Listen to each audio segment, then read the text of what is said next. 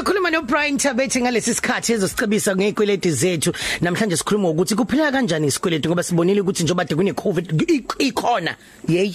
Njoba kune COVID-19 njena abantu abaningi balahlekelwe imisebenzi bangakwazi ukuthi abanye beqhubeke bekhokhela izikweleti zabo. Kuthiwa njengamanje nje i-consumer debt sihleli kuyona kuthiwa sihleli ku 1.5 trillion rand. Ikhona imali enjalo maye ngoba kudlala ngathi. Wow, ikhona. Ikhona. Hi Brian. Sauce. Selbi Hi. Yaphila mfethu. uyaphila Iya depressa lento oh. kodwa wasishona phansi sikhuluma ngemali ezinkulu kangaka Hey lento kodwa angithi ima- imali ezikweletwa abantu uyandisi so ingakho kungishonisa umoya wami nje wavesana nje wacwila oh. hayi sizothi siqeda nje umoya wakho uzobe uphezulu kakhulu Khuluma qala we oh. ngibingelela umlaleli wokhozi eh namhlanje sibuka isihloko sithi kuphileka kanjani nesikweletu uzoqonda ukuthi uma sithi uphila ngesikweletu kusuke sekonakele lapho. Akunele umuntu engabuphila ngesikweletu akuyona impilo leyo. Kodwa sibuka namhlanje ukuthi uphila kanjani naso? Njengoba ucwaningo like laveza ngokusobala ukuthi uma uqhathanisa eh amazinga okukweleta kusukela ngonyaka odlule kuze kube yilonyaka nomthelela weCovid-19 kuyaveza ngokusobala ukuthi eh imali engakubathengi noma engakumthengi ibalelwa ku 1.5 trillion. Imali ezikile leyo eh ababolekisayo eh engakabuyeli kubona. Okwenza ukuthi abathengi bacile ukudlula mawuqhathanisa nangalesi sikhathi ngonyaka odlule ama percentage kwakungu 4.93 kwaku 4.11% ngonyaka odlule. Kodwa kulonyaka ivele yanyuka yaya phezulu yaya kuma percentage angu 4.93% izinga lokucila esikweletini now namhlanje bengithi asibheke ukuthi siyini isikweletu. Isikweletu ngeke sachaza sathi i-credit ngingachaza lokhu ngokudlule. Ngathi mase sithi ususesikweletini sesisho i-area manje okuyona ingakho kuthiwa kuma-areas indawo osukuyona leyo ukuthi usuyakweleta. Ngoba mawusanikiwe mawusanikiwe ungakayikhokhi isayi-credit usangayibuyisela. Kodwa mase yaqala yasebenza isikweletu Now masizoqala nje emazingeni aphansi singakangeni kulawa asingabiza ngama institutions akukuhle nje manje nawe siya ukuboleka imali. Akuyi akuyona nje into enhle. Ngisho ngikhuluma ngoku-informal ke njengamanje. Ngizongivumela basakazi ukuthi kahle kahle thina sibeke bantu iningi lethu sibeke kakhulu inani nothando emalini. Manje nangokuselfie usezoza kumina uzoboleka imali. Ibhlungu into ayenzayo kumina ngoba kokuqala ufuna ukuveza ukuthi ngabe inani likuyena nothando lokuyena noma likulento engikuyona.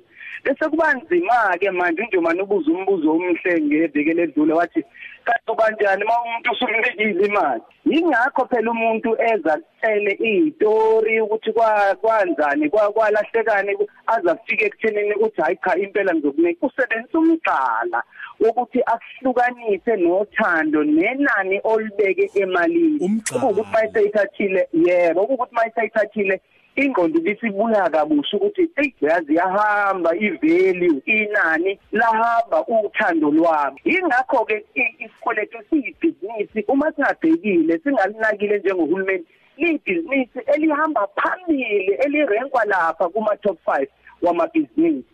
Ingakho ke libiza imali engaka. Masingena nje siya kuma institutions izikhungo ayingeni indaba yama emotions imizwa yokuthi ulahlekelwe ilunga lomndeni untshontshelwe uzoboleka.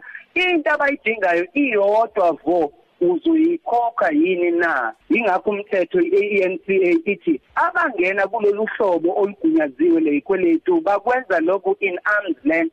Akukho uzwano. Noma ungazi usithula istory sakhe ebank noma ungazi usibeka izandla ekhanda alingandaba ibank ibheke nje ukuthi izobuya yini le mali? Ingani phela ke ingakho ngiyoboleka kumuntu ngoba yena unomphefumulo unemizwa. Uzoluza udaba lami angizwele. Akasona isigxobo nje. Ngiyawuthanda lo muzwa lo mbuzo nje manje. Kodwa ke inkinga la isuke ibe khona ngithe eqaleni sibeke kakhulu thina uthando emalini sasesibeka inani emalini. Ingakho phela nje manje uye uze umuntu ethi angakwenzelani umuntu? Kodwa umuntu uyiqonda kahle indlela imali engayidlala eh noma irole imali eyidalayo empilweni yakhe. Mm. nazi izinto ebengithi ngifuna sizibheke ungakasithathi nje isikweletu okokuqala uzokubiza malini ukungena kulesi sikweletu okwesibili uyasikhona yini? Uyasi-afforda yini lesi sikweletu okwesithathu singakanani isikhathi ozosihlala kulesi sikweletu ngizokwenza nje isi- isibonelo ngidlule.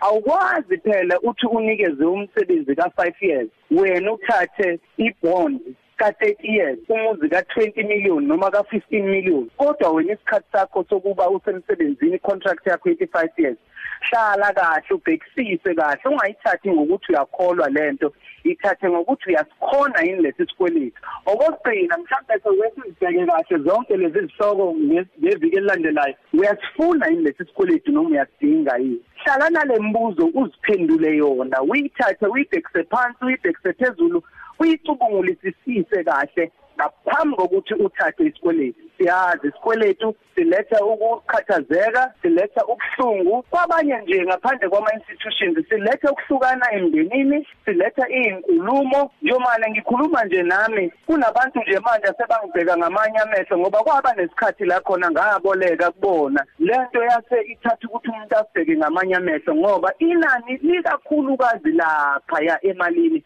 hayi kumuntu sibhekeke lezi zinto ungabi manyama nambana na- namalungu omndeni nomphakathi namalungu ebandla ngoba wena kancane kancane uzoboleka. Asizibheke lezi zinto sizibhekisise sothi ukungena sigcile kabanzi ngeviki elilandelayo. So siyabonga kakhulu. Na inombolo ka WhatsApp la khona abantu bengaxhumana ngayo nawe ngayo. Siyatholakala enambeni yeka WhatsApp u-083 623 1391 angikusho lokhu umuzwa njengoba singene kwi-festive season kungabi lula nje ukuthi uvele ungene esikweletini qaphela sibuze imibuzo enqala Siyabonga Brian bye darling Talk to 3 Cafe, no Sia and Sel Beyonce. Speed down ngoba amele uzwe ngabantu.